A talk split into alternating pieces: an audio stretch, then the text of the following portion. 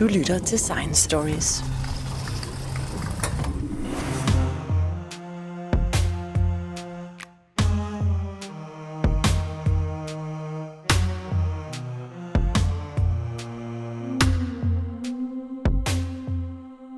Forskning i udviklingslande og deres problemer var engang et højt prioriteret område for Danmark og den vestlige verden, men det virker i dag, som om vi lidt har glemt de fattigste lande.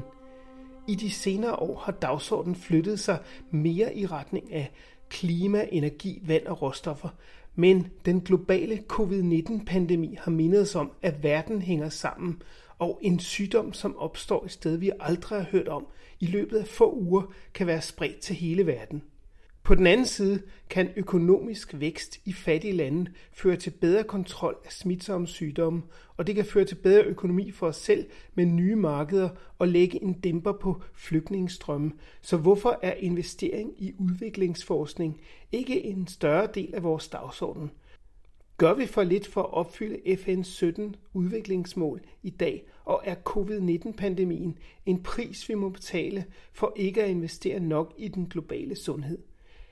Finn Tarp er professor i økonomi fra Københavns Universitet og tidligere direktør for FN's Globale Institut for Udviklingsøkonomi, UNU, Wider i Helsingfors. Jeg har spurgt Finn Tarp, hvad er det for udviklingsproblemer, verden kæmper med i dag?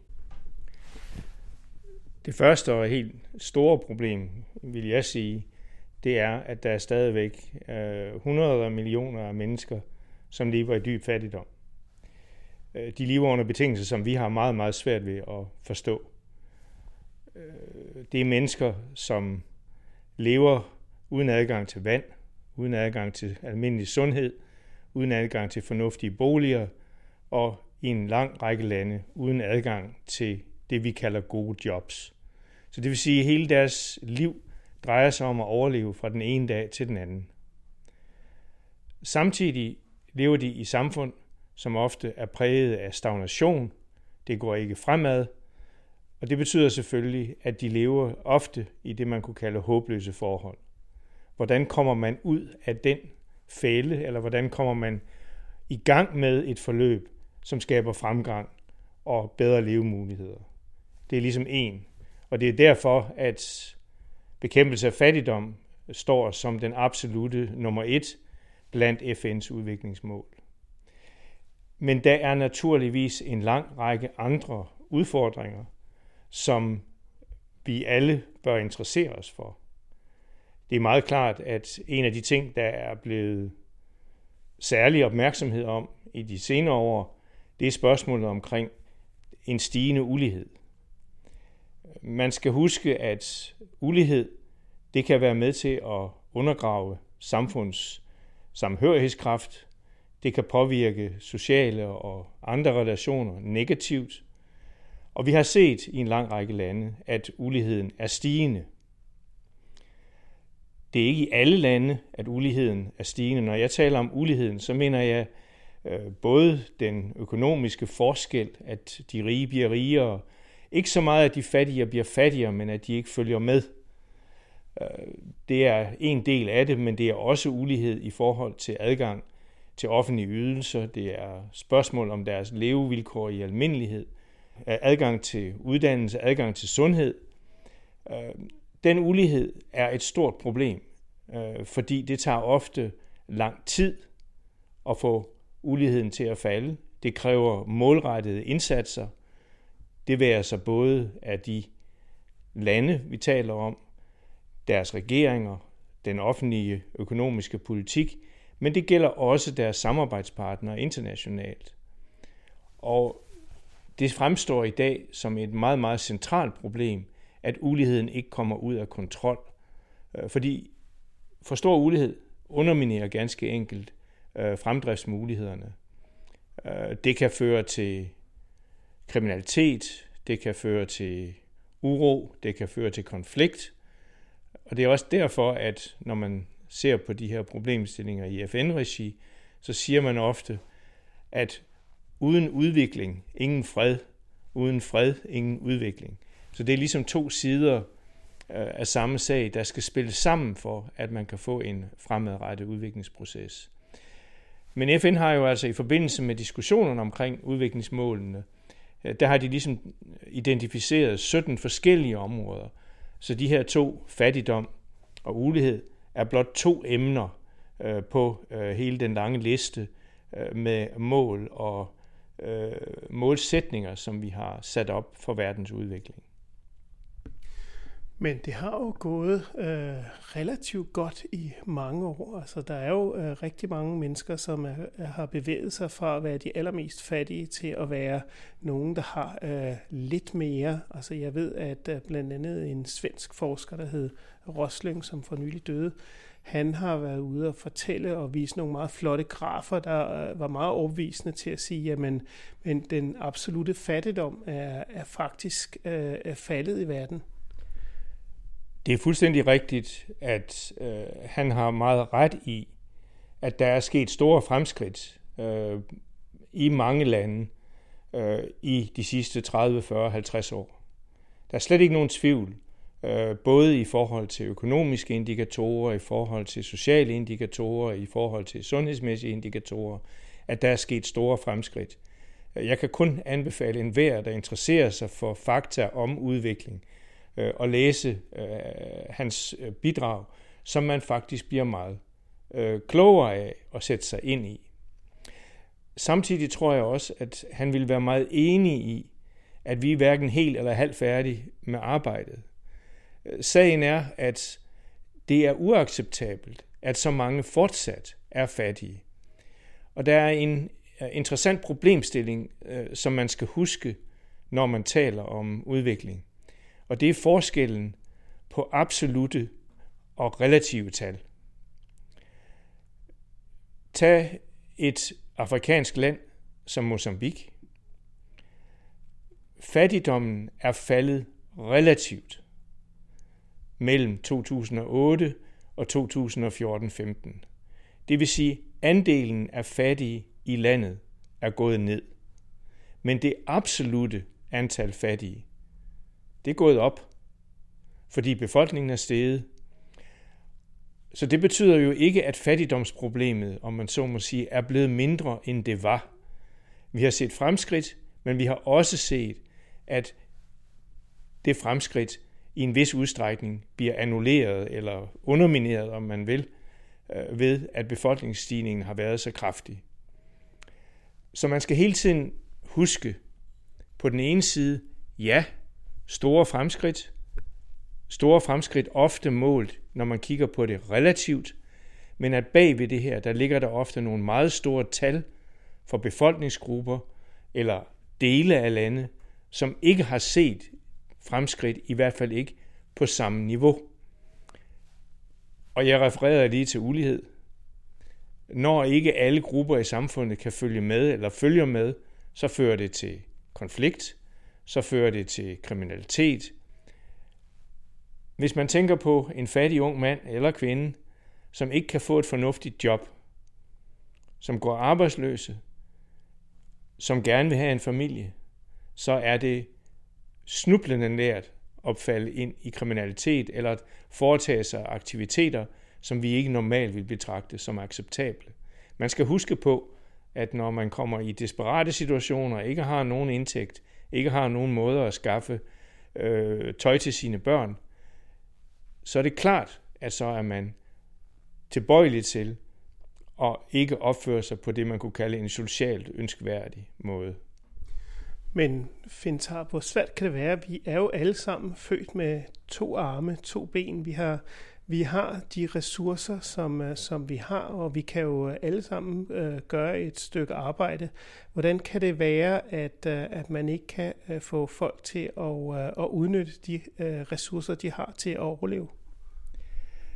Sagen er, at de fattigste er ofte dem, der arbejder hårdest. Men de har ikke et job, der giver en fornuftig betaling. Jeg har meget ofte været ude i landområderne i ret så mange forskellige ulande, og jeg kan forsikre dig om, at der arbejder folk endnu meget hårdt.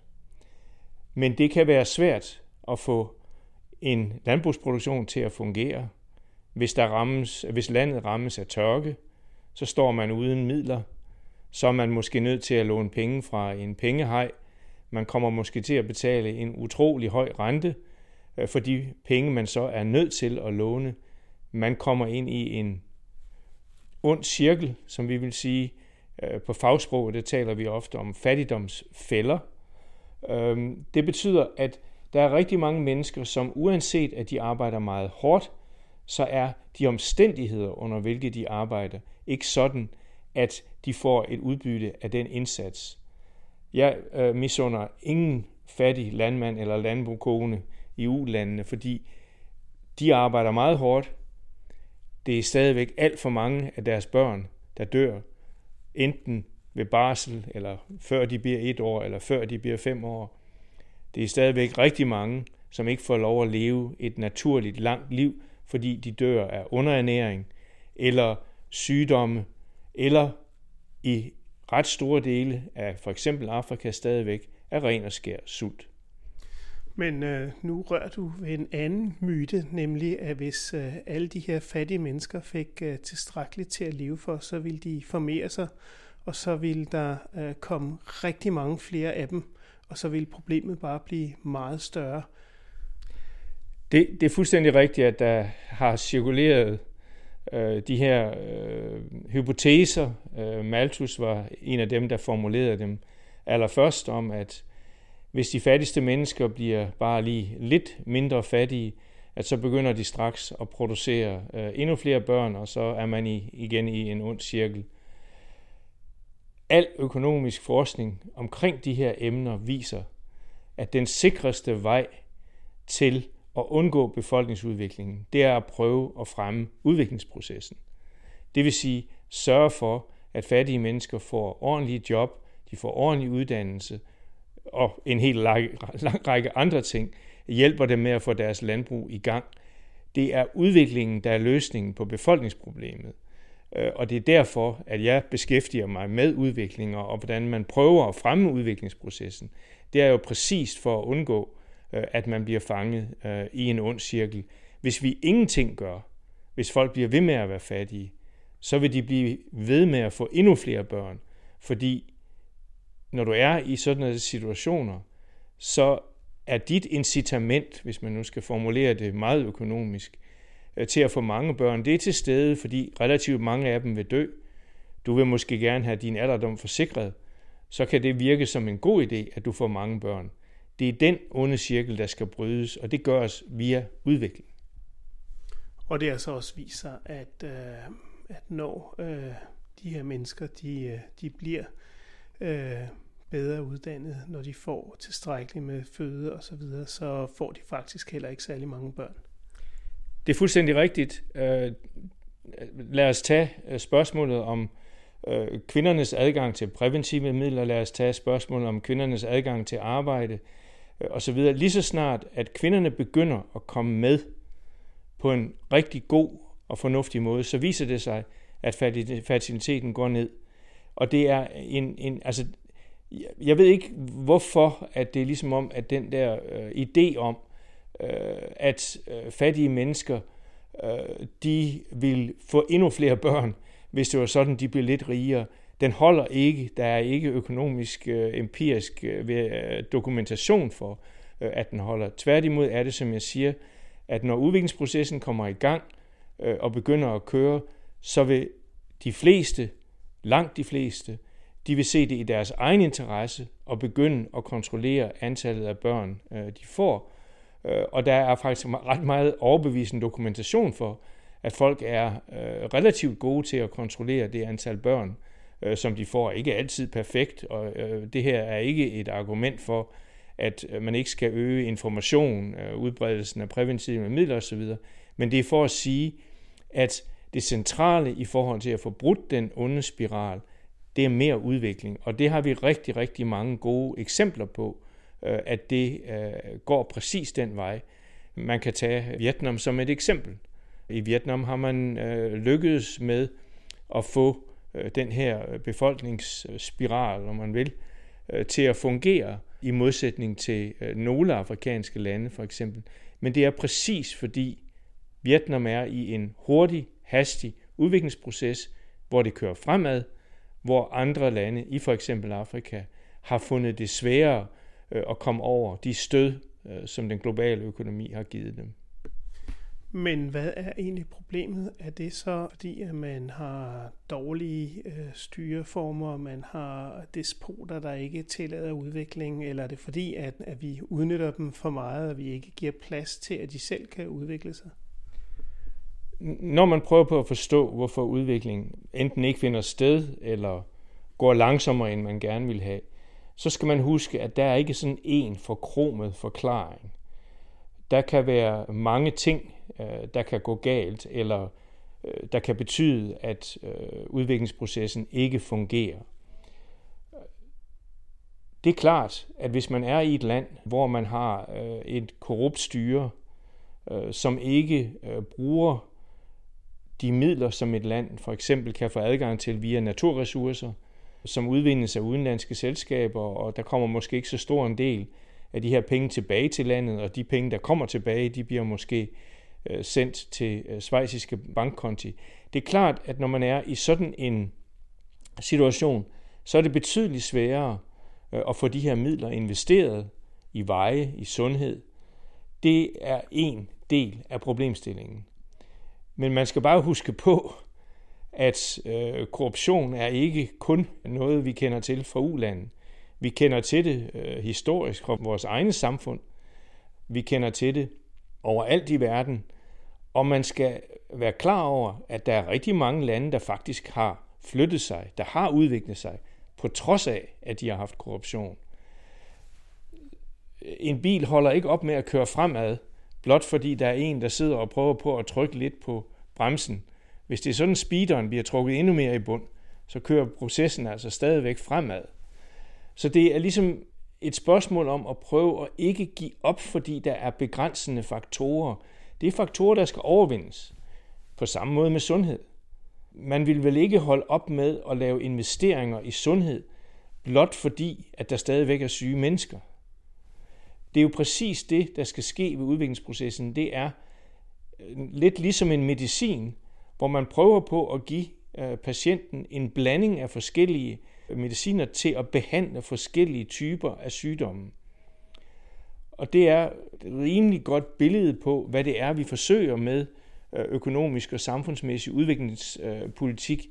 Det er, at vi forsøger at tænke over, hvor er det, at de centrale begrænsninger ligger, og så prøver vi på at komme med forslag til, hvad kan man så prioritere i konkrete sammenhæng, som værende det, der måske er den stærkeste eller bedste medicin under de konkrete forhold. Hvis man nu forestiller sig, at, øh, at man får en fornuftig udvikling i gang i den fattigste del af verden, så vil de jo også bruge flere ressourcer. Du nævnte lige bil øh, før. Mm. Øh, man har jo ikke øh, ressourcer til, at vi alle sammen kan køre rundt i biler, og man har ikke ressourcer til, at vi alle sammen kan hæve vores øh, levestandard til det, vi har her. Der, der må jeg sige meget direkte, at jeg køber ikke argumentet om, at de fattigste mennesker i verden skal forblive fattige, fordi vi andre ikke øh, stadigvæk skal have mulighed for at køre i vores bil. Det argument køber jeg ganske enkelt ikke.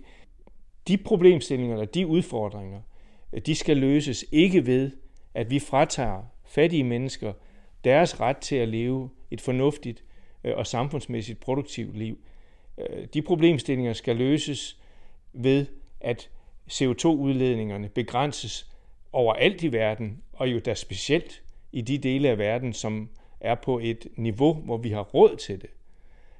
Det er ikke en nem problemstilling, når man sidder og taler med den mosambikanske økonomi- og finansminister, som har adgang til nogle af de største gasreserver i verden, og så prøver at forklare ham, at vi i Nord vil gerne have, at han lader være med at udnytte de gasreserver, som han selvfølgelig behøver for at kunne få gang i udviklingsprocessen i sit land.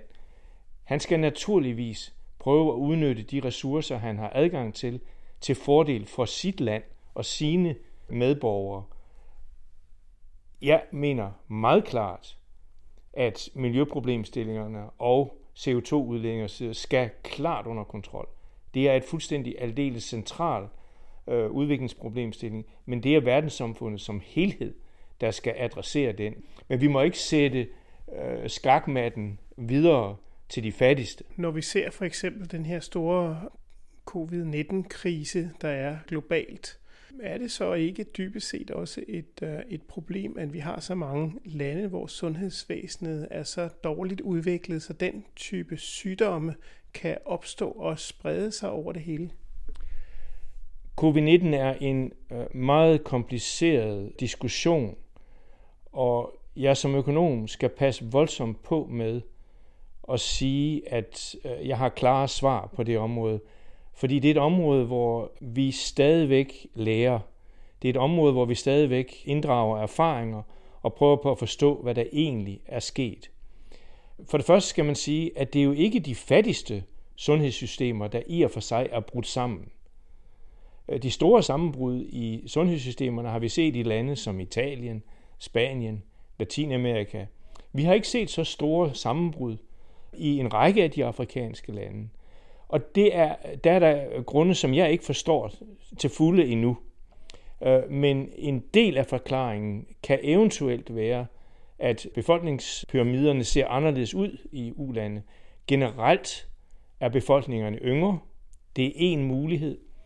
En anden faktor, der kan spille en, en rolle, det er, at øh, hvis du er subsistensfarmer, der bor langt ude på landet, så har du jo ikke den store kontakt øh, til ret mange andre. Så du fortsætter med at dyrke dine afgrøder så godt du nu kan, som du altid har gjort. Øh, det kan være en anden faktor. Men der er en hel del, der tyder på, at en række lande ikke har haft kraftig påvirkning af covid-19, som vi har set i mere veludviklede samfund. Øh, der er lande i Asien, som har vist sig overraskende øh, dygtige til at kontrollere øh, smitten. Et eksempel er Vietnam.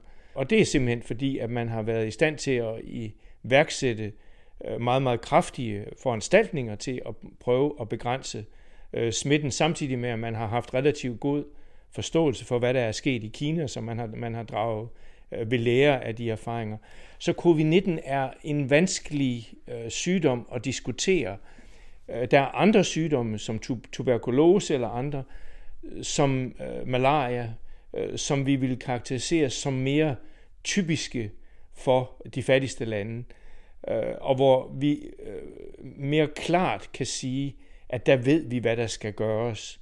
I forhold til covid-19 har en af de centrale og meget vanskelige problemstillinger, det har jo været, at jamen man kan ikke bare lukke et fattigt land ned på samme måde, som vi har gjort i Danmark. Øh, sagen er jo, at hvis ikke du har adgang til vand, så er du altså nødt til at gå ud. Hvis ikke du skal sulte eller øh, så videre. Så der kan være en række modsatrettede effekter her, som øh, vi er nødt til at forstå dybere. Men når vi snakker tuberkulose, når vi snakker malaria osv., så ved vi entydigt, øh, hvad løsningerne er. Og vi ved også, at vi ikke gør nok øh, for at imødegå de sygdomme, på trods af de fremskridt, som jeg nævnte før, har sket.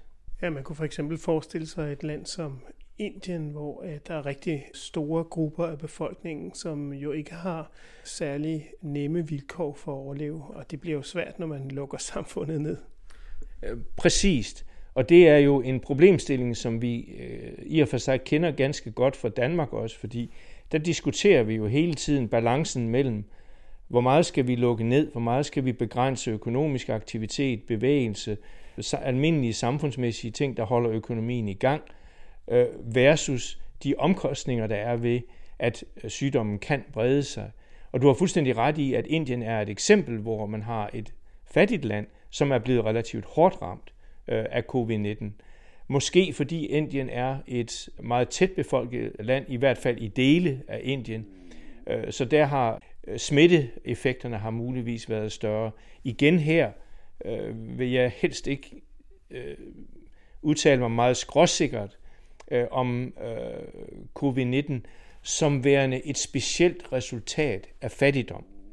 Covid-19 opstod trods alt med, hvad vi ved, i Kina. Det var ikke i et øh, specielt fattigt øh, kontekst. Det har bredt sig til en lang række relativt velstående lande, USA har stadigvæk, så vidt jeg ved, de seneste tal, rekorden øh, i, i, i dødsfald osv. Så, så, så, så, den, så covid-19 er svær at diskutere øh, i forhold til en række af de her problemstillinger. Det er langt mindre kompliceret, når vi snakker om Ebola eller øh, andre øh, sygdomme, som vi ved er specielt øh, forbundne med fattige øh, omstændigheder, lave indtægter, øh, dårlig adgang til vand, sundhedsforhold, øh, der i almindelighed er en udfordring. Men nu nævner du fattigdom som, som det største problem, men hvordan får man egentlig folk ud af fattigdom? Hvad er det egentlig, der skal til? Er det, er det for eksempel øh, uddannelse? Er det, er det det, der er problemet? Jeg kan huske, at jeg var i, i Kina for nogle år siden og talte med øh, unge, øh, nyuddannede Ph.D.-forskere, øh, øh, og øh, de fortalte alle sammen, at deres forældre var analfabeter, og de havde simpelthen taget springet fra analfabetisme til at nu være Ph.D.'er og de førende forskere i verden.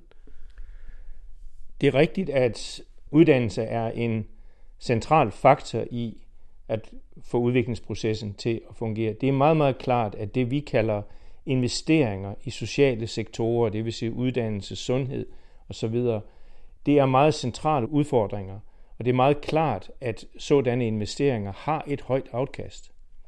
Det er også klart, at der skal investeringer i det, man kunne kalde fysisk infrastruktur, det er veje, sådan at lande og økonomier kommer til at hænge sammen og kan fungere.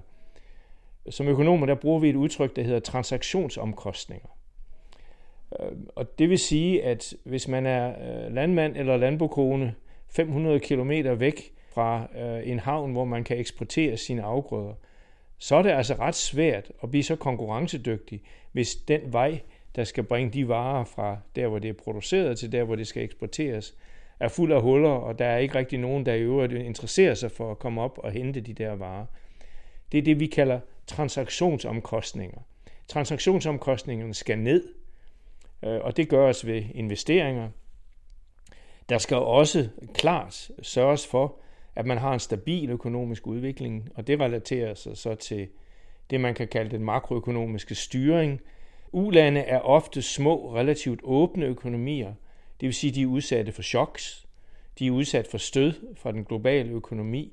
Det skal der være nogen, der sørger for, at når de choks de rammer, at så sørger man for at sejle båden igennem rørt vande, om man så må sige, på en nogenlunde fornuftig måde. Og derfor er den kapacitet til at styre økonomien øh, selvfølgelig en, en central del af det at klare sig og, og holde udviklingsprocessen øh, på ret spor. Og nu talte vi om, om, om naturressourcer.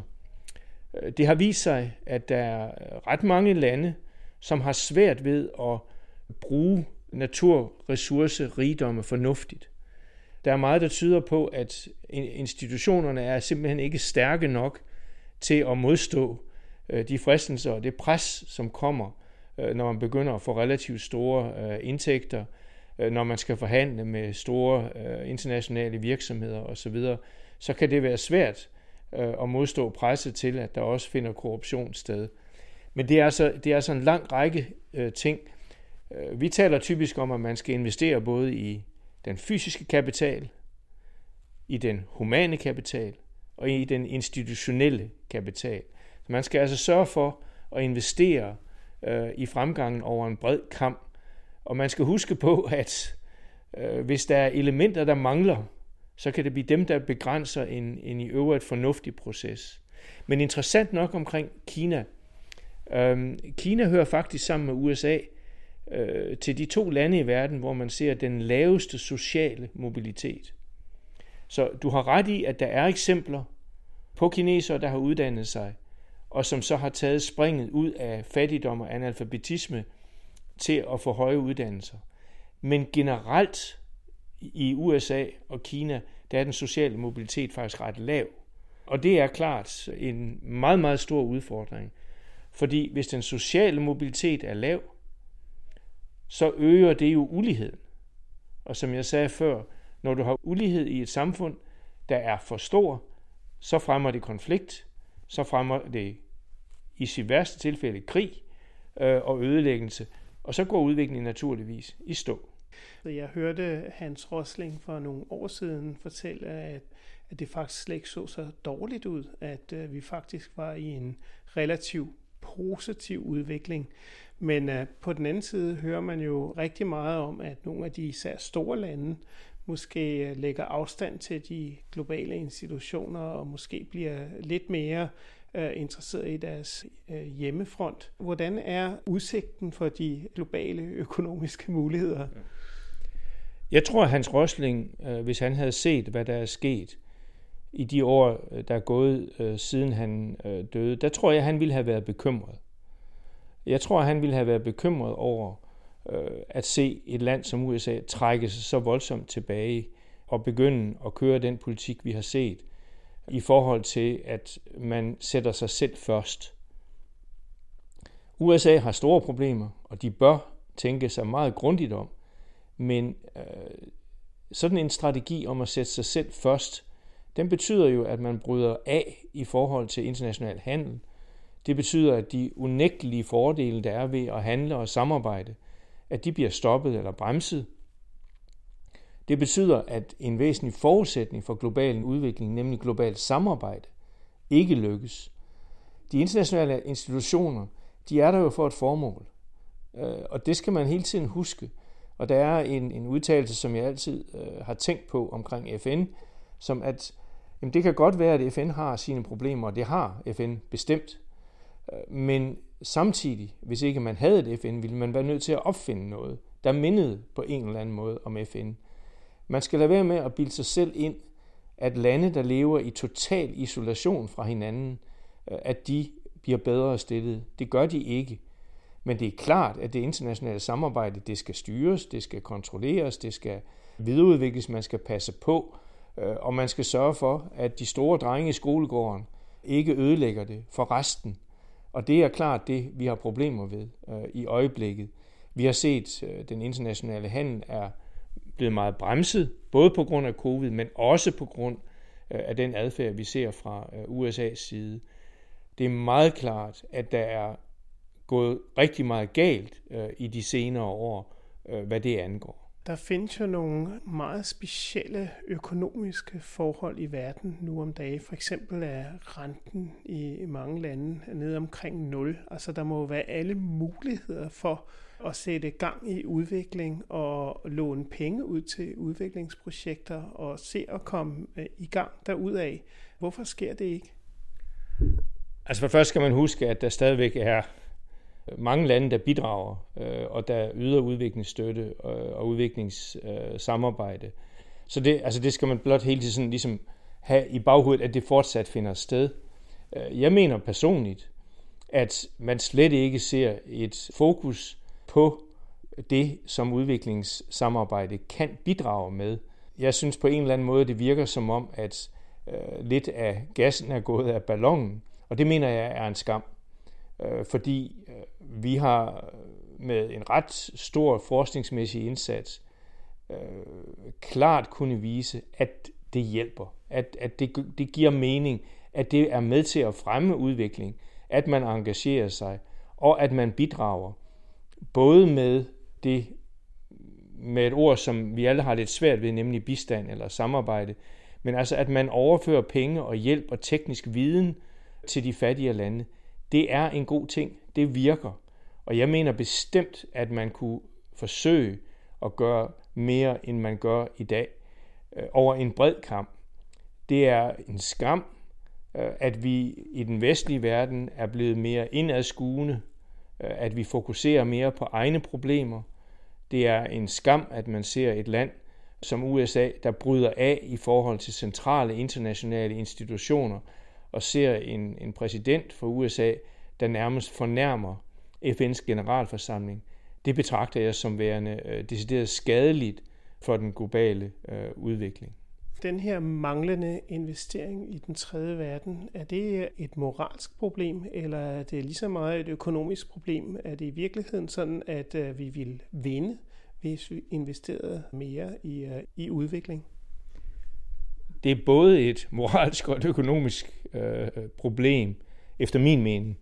Øh, det er et moralsk problem, som jeg ser det, fordi jeg finder det at blot sidde og kigge på, at andre mennesker befinder sig i fattigdom, som værende øh, uacceptabelt. det kan man sige, at øh, det er som min moralske vurdering, og jeg kan ikke påvise eller sige, at andre ikke kunne have et andet synspunkt, og det er for så vidt rigtigt. Vi har jo, om man så må sige, lov til at have hver vores moral. Men jeg mener, at det er et moralsk problem, at hundrede af millioner af mennesker lever under livsbetingelser, som er helt uacceptable.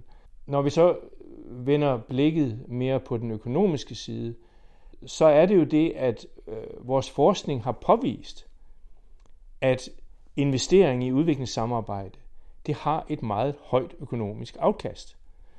Så ikke blot er det en god ting, at en fattig i et udviklingsland i sig selv får mulighed for at læse og skrive. Det i sig selv er jo en god ting i forhold til livs indhold osv. Men det viser sig faktisk over en bred kamp, at det afkast, som udviklingssamarbejdet giver, er meget højt. Det overstiger faktisk meget, meget ofte almindelige økonomiske investeringer. Og det er set som en ren økonomisk investering, som ikke tager højde for, at øh, en given person, der kommer til at læse eller skrive, måske også får et bedre liv. Så jeg har meget, meget svært ved at forstå, øh, at man ikke sætter fokus på det afkast, som udviklingsbistanden faktisk giver, og som vores forskning har vist, at det giver. Så det håber vi, der kommer mere fokus på. Tak skal du have, Finn Tarp.